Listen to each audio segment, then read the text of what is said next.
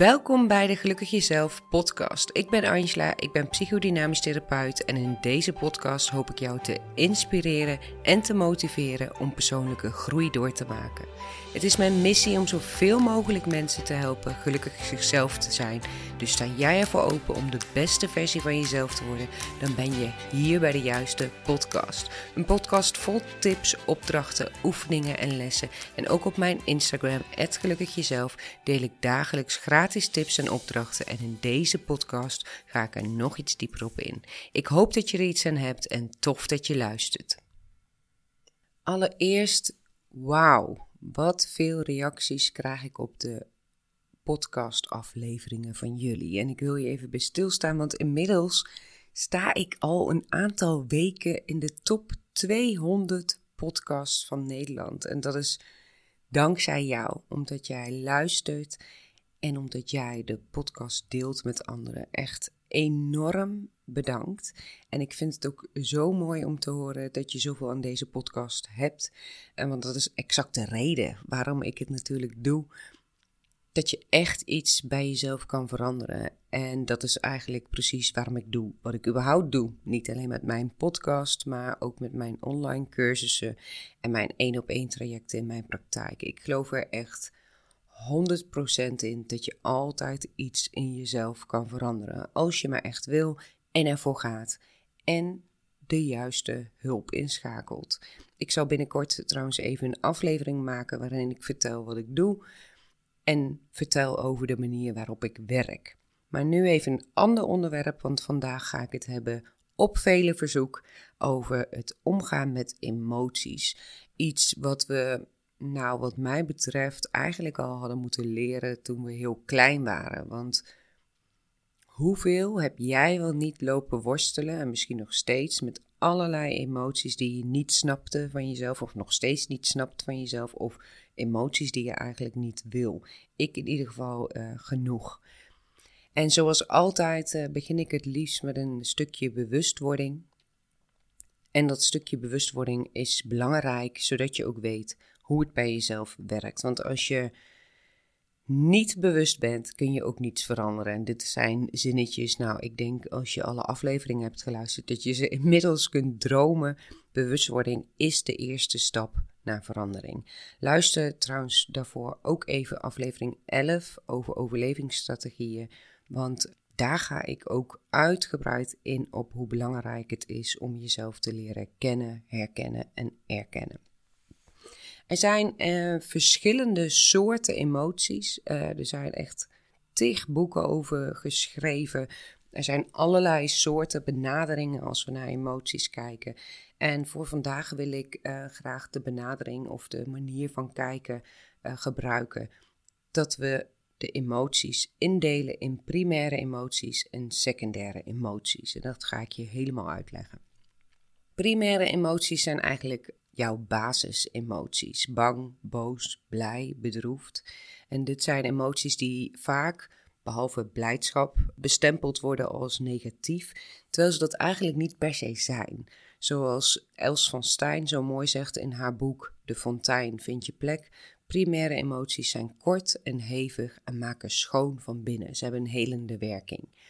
Toch komt het niet heel vaak voor dat we primaire emoties echt toelaten. En dat is vaak een onbewust proces. Uh, nogmaals, luister ook aflevering over overlevingsstrategieën. Want we proberen er vaak van weg te gaan. We proberen ze weg te stoppen. We willen er niet doorheen. Sterker nog, we doen zelfs vaak of we ze helemaal niet hebben. En denken dat de emotie die we wel hebben, de enige emotie is die er is. En dat brengt mij op secundaire emoties. Secundaire emoties verbergen namelijk de primaire emoties die je te veel raken. Voorbeelden van secundaire emoties, en luister weer even goed mee en uh, voel bij jezelf wat voor jou herkenbaar is.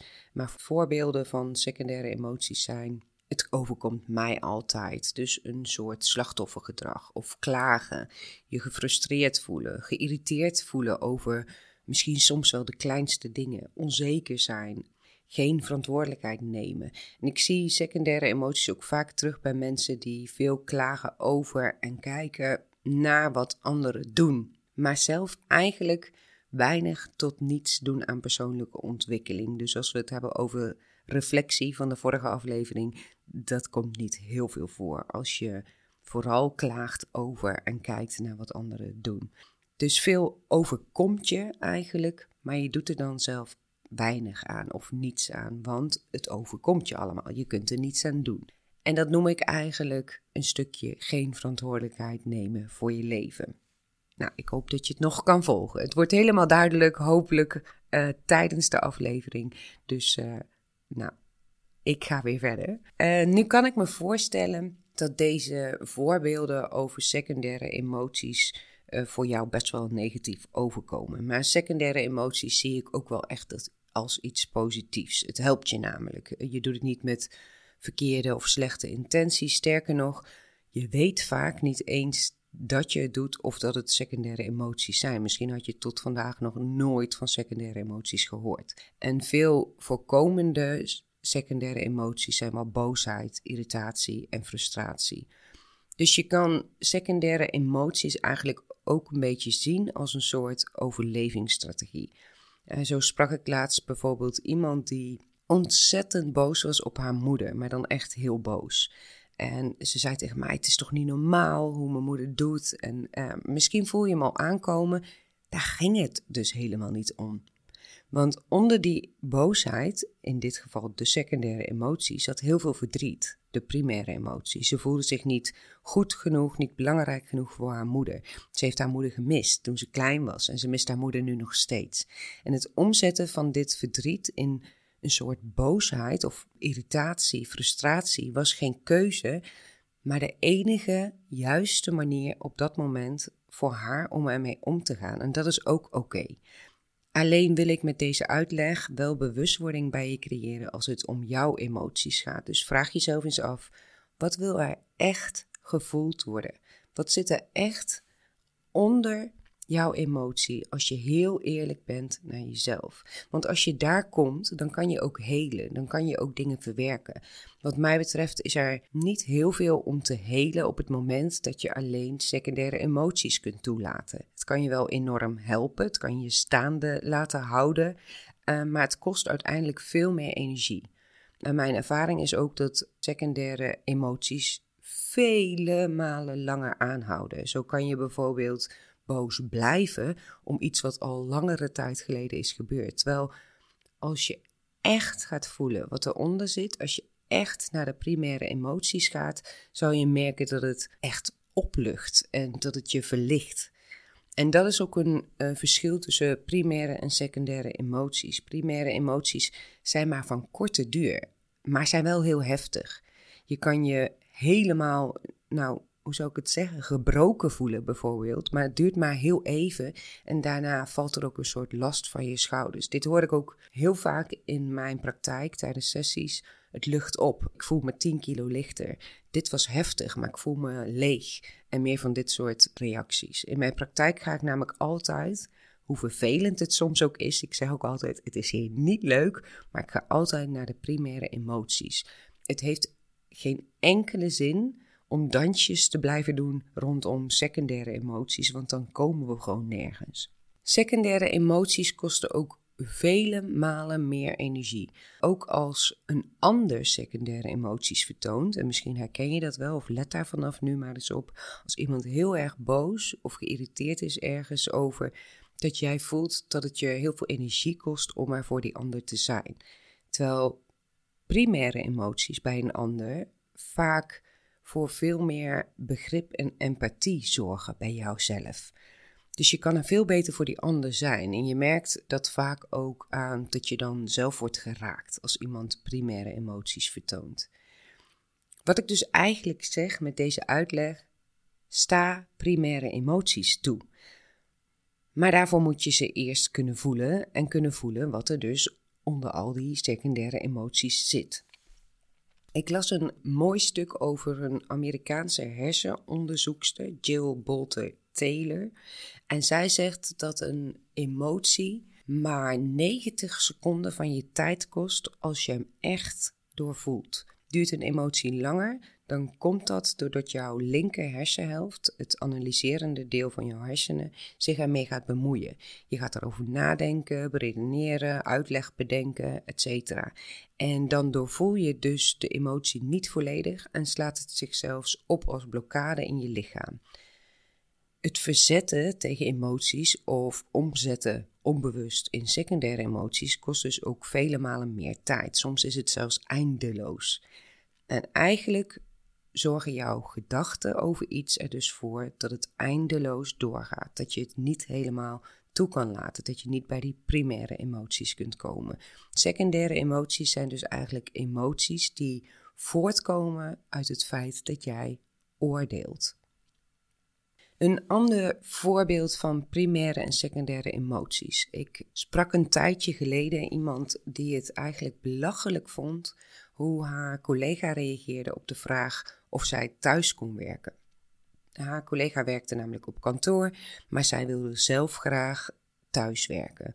En haar collega reageerde daarop met iets van: Je kunt toch gewoon naar kantoor komen, of, of zoiets was het. En dat raakte haar, want waarom kon haar collega niet gewoon zeggen: Ah, heb je goed, werk lekker thuis, doe lekker waar jij je goed bij voelt? Waarom was er geen begrip? En ik kon me heel goed voorstellen dat dat niet lekker voelde voor haar. Maar als je op een afstandje kijkt, zie je eigenlijk iets anders gebeuren. Namelijk, dit zijn secundaire emoties. Want na een aantal vragen die ik haar stelde, zat er eigenlijk onder: ik ben niet belangrijk, ik doe het niet goed genoeg. Ze voelde zich niet serieus genomen en kreeg geen erkenning. En eigenlijk was ze daar verdrietig over en helemaal niet boos en geïrriteerd. Maar doordat haar overtuigingen, dat haar gedachten hiermee aan de haal gingen, duurden deze emoties vele malen langer en kostte veel energie. Dus eigenlijk ging ze over in secundaire emoties, terwijl de primaire emotie was: ik voel me niet serieus genomen, ik ben niet belangrijk. Toen zei ik tegen haar: wat als je het eens ziet als een compliment? Dat deze collega uh, eigenlijk gewoon heel graag wil dat jij gezellig bij haar op kantoor zit. En toen was ze even stil en toen zei ze: Wow, zo had ik het dus nog nooit bekeken. En toen ze het op die manier ging bekijken, verdween ook direct die secundaire emotie van boosheid en irritatie. En wat ik hiermee wil zeggen, het kan op allerlei momenten gebeuren dat je in secundaire emoties schiet. En dat gaat sneller dan je denkt. En door op een andere manier te leren denken, vooral over jezelf, want het gaat altijd over iets wat in jou wordt geraakt, zal je ook merken dat je veel minder snel in secundaire emoties komt. En door de primaire emoties er helemaal te laten zijn, zal je ook merken dat je veel minder of helemaal niet in die secundaire emoties schiet. En ik uh, ben zo aan het praten nu en ik kan me voorstellen dat dit best wel veel informatie is. En uh, misschien ook wel uh, tijdens een wandeling wat veel informatie is. Maar laat het de aankomende dagen eens bij je landen. En let er eens bij jezelf op: wat voor soort emotie is dit? Is dit mijn primaire emotie of is dit een secundaire emotie? Zit er nog iets onder? En laat ik dat eigenlijk wel toe? En hoe kan ik dat dan toelaten? Want ja, hoe kan je nu die emoties er dan ook echt laten zijn? Allereerst, wederom, want je hebt dit vaker van mij gehoord als je meerdere afleveringen hebt geluisterd of als je mij volgt op Instagram. Jij bent jouw emoties niet. Het zijn maar emoties. Heel nuttig. Ze helpen je om dingen te verwerken en ze gaan weer weg als je, ze, als je ze echt doorvoelt. Je hebt een emotie, je bent ze niet. Daarnaast wees je dus bewust van welke emoties je voelt. Zijn het primaire of secundaire emoties? En zijn het secundaire en ben je er helemaal klaar mee hoeveel energie het je kost? Doe er dan wat mee. Zoek hulp, volg een online cursus, uh, ga ermee aan de slag. Het is toch ergens zo zonde om alsmaar bezig te zijn met die secundaire emoties. En ik weet het, dit gaat vaak onbewust of nou, eigenlijk vrijwel altijd onbewust. Maar ik hoop toch dat je door deze uitleg op een andere manier naar jouw emoties gaat kijken en jezelf eigenlijk openstelt om die primaire emoties te gaan toelaten. Hoe doe je dat dan? Die primaire emoties toelaten? Nou, dat is iets wat ik je niet zomaar kan leren. Ehm, daar volgen mensen eigenlijk hele trajecten, hele cursussen bij mij voor. Maar ik ga je wel proberen om in deze aflevering je hierin iets verder te helpen. Op het moment dat jij bijvoorbeeld als een, eh, nou, bijna stampvoetend, boos kind voelt, ga dan eens even stilstaan. Ga dan eens even ergens zitten en maak eens contact met dat boze gevoel in jou, of wat het dan ook is. Probeer er echt naartoe te gaan. Dus voel eens, waar zit het dan in mijn lijf? Zit het bijvoorbeeld in mijn borst? En adem er dan naartoe. Ga met je volle aandacht naar dat gevoel toe en blijf bij dat gevoel. En sta jezelf dan uit liefde toe, uit liefde naar jezelf toe, om alles er te laten zijn wat er gevoeld wil worden. En dit is echt oefenen. Hypnose, visualisaties, mindfulness, meditaties helpen hier ook enorm bij om meer te gaan voelen. Om primaire emoties ook meer te gaan voelen. Want door vaker stil te staan kan je ook veel meer met jezelf verbinden, om het zo maar te zeggen. En stop daarnaast eens met strijden tegen emoties. We bestempelen vaak met z'n allen verdriet, boosheid, angst als negatieve dingen. Maar waarom? Het, het, zijn gewoon emoties, net als blijdschap. En dat mag er wel altijd zijn.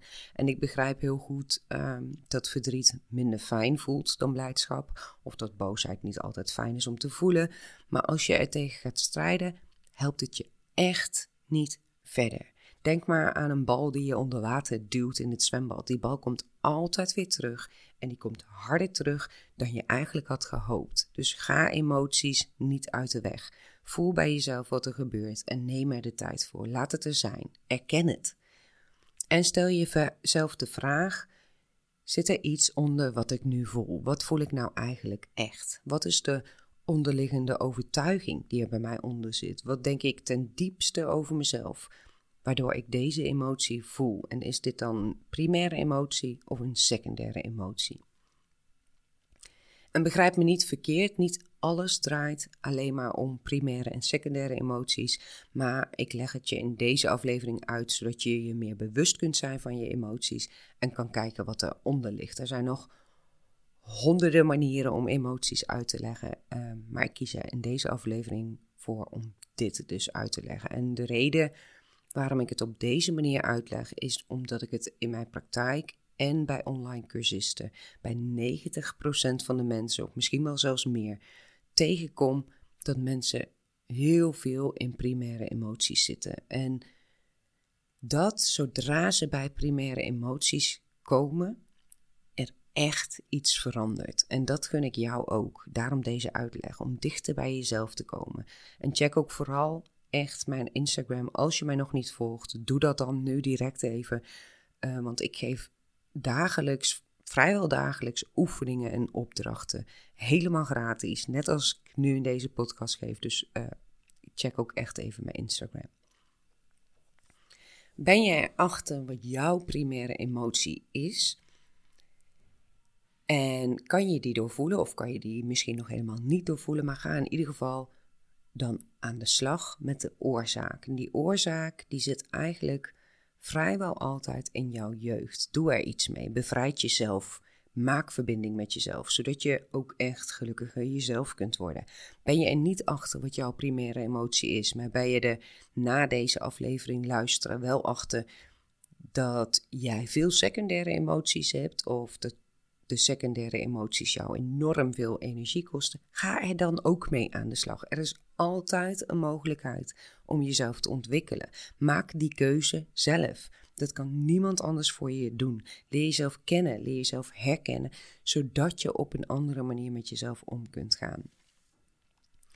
En dan wil ik je nog iets vertellen. Zie emoties vanaf vandaag eens niet meer als een probleem, maar zie het als iets wat je iets duidelijk wil maken. Het zijn eigenlijk gewoon innerlijke belevenissen die opgeroepen worden door een situatie of gebeurtenissen, omdat jij er met jouw gedachten um, iets, een, een, soort betekenis geeft aan deze situatie of gebeurtenis. Dus wees eens nieuwsgierig naar wat er bij je gebeurt, in plaats van jezelf af te keuren als je een emotie voelt die je liever niet hebt. En dan hebben we nog de emotie van een ander. En het kan zijn dat je enorm gevoelig bent voor emoties van anderen. Ik heb dat zelf wel, dus ik vertel het niet niets aan je. Um, als iemand last heeft, om het zo maar even te zeggen, een ander dus last heeft van secundaire emoties, dan merkte ik bij mezelf dat ik um, met mijn aandacht eigenlijk moeilijk bij kon blijven. Nu als therapeut, therapeut ga ik daar heel anders mee om, ook in mijn dagelijks leven, want ik probeer op een andere manier ernaar te kijken. Allereerst, ik koppel het los van mezelf. En dat kan door een oefening te doen van tevoren. Stel dat je met iemand hebt afgesproken en je weet dat je daarheen gaat en je weet dat die persoon, ehm, ja, als die, dat die heel veel in secundaire emoties zit en dat het jouw energie kost, dan doe ik een oefening waarin ik mezelf voorstel dat ik in een soort beschermende bubbel zit. En daarmee zet ik de intentie ook dat ik mijn, mijn energie bij mij laat en de energie van de ander bij de ander. Maar het kan ook dat je deze oefening helemaal niet doet, maar dat je gewoon nieuwsgierig bent. Hé, hey, wat gebeurt er eigenlijk echt bij die ander? Hoe gaat het nu echt met je? Ben je echt boos of wat zit er onder die boosheid? En natuurlijk stel ik niet al die vragen die ik als therapeut in sessie stel, ook aan mijn vriendinnen of families. Dus die me al aankomen. Maar ik probeer wel altijd in mezelf een soort nieuwsgierige onderzoeker aan te zetten. Wat gebeurt er nou eigenlijk echt bij die ander? Dus op die manieren, dus die oefening en de nieuwsgierigheid, koppel ik het los van mezelf. Er gebeurt namelijk iets bij die ander, dus laat het ook daar en erken die ander in wat er is. En geef daarnaast ook je grenzen aan, hoe leuk het ook is om overal bij te zijn, met iedere vriendin wekelijks af te spreken. Bewaak jouw eigen energie. Merk je dat je niet goed kan omgaan met de emoties van anderen, bewaak dan echt jouw grenzen. En ja, het kan zijn dat je daarmee anderen teleurstelt, maar wat is erger? Jezelf steeds voorbij lopen, jezelf teleurstellen en helemaal hun energie leeggetrokken worden, of een keer een ander teleurstellen. En de volgende tip: je hoeft niet voor een ander iets op te lossen, maar luister gewoon. Vaak zijn we geneigd om voor uh, een ander van alles te gaan doen en te gaan regelen zodra het niet goed gaat met die ander. En dat is heel lief. Maar voor die ander is het ook belangrijk om zijn of haar eigen pad met obstakels te kunnen belopen. Die ander leert daarvan. Jij hoeft niets op te lossen. Het is niet jouw verantwoordelijkheid om voor die ander iets op te lossen. Vaak is luisteren voor die ander al heel erg fijn. Je hoeft niet altijd oplossingen en adviezen aan te dragen prima als je natuurlijk iets voor een ander wil doen, iets praktisch bijvoorbeeld. Maar jouw oplossing, jouw oplossing, hoeft voor die ander niet altijd de oplossing voor die ander te betekenen. Dus luister gewoon, wees er gewoon, erken wat er bij die ander is en bewaak jouw eigen grenzen. Blijf bewust in het nu. Merk je dat jij gevoelens overneemt, dat ze je te veel raken, dat het je te veel energie kost, zet dan eens simpelweg je voet op de grond en focus je op jouw eigen ademhaling. Blijf even een moment helemaal bij jezelf. En je mag dit ook delen. Delen op een liefdevolle manier, door echt bij jezelf te blijven. Dat je bijvoorbeeld zegt: Ik merk dat ik het best moeilijk vind wat er bij je gebeurt. Ik wil er voor je zijn, maar ik merk dat het mij erg raakt. En wees er dan ook nieuwsgierig naar Hé, hey, wat raakt mij dan zo? Want daar kun jij dus weer iets mee. Nou, de tijd vliegt. En ik hoop dat je weer iets aan deze aflevering hebt. Het omgaan met emoties. Dat je um, bij jezelf eens ten rade kunt gaan. Hé, hey, wat gebeurt er eigenlijk bij mij? Zit ik voornamelijk in secundaire emoties? En wat zit eronder? Waar mag ik nieuwsgierig naar zijn? Waar mag ik doorheen gaan? Wat mag ik helen?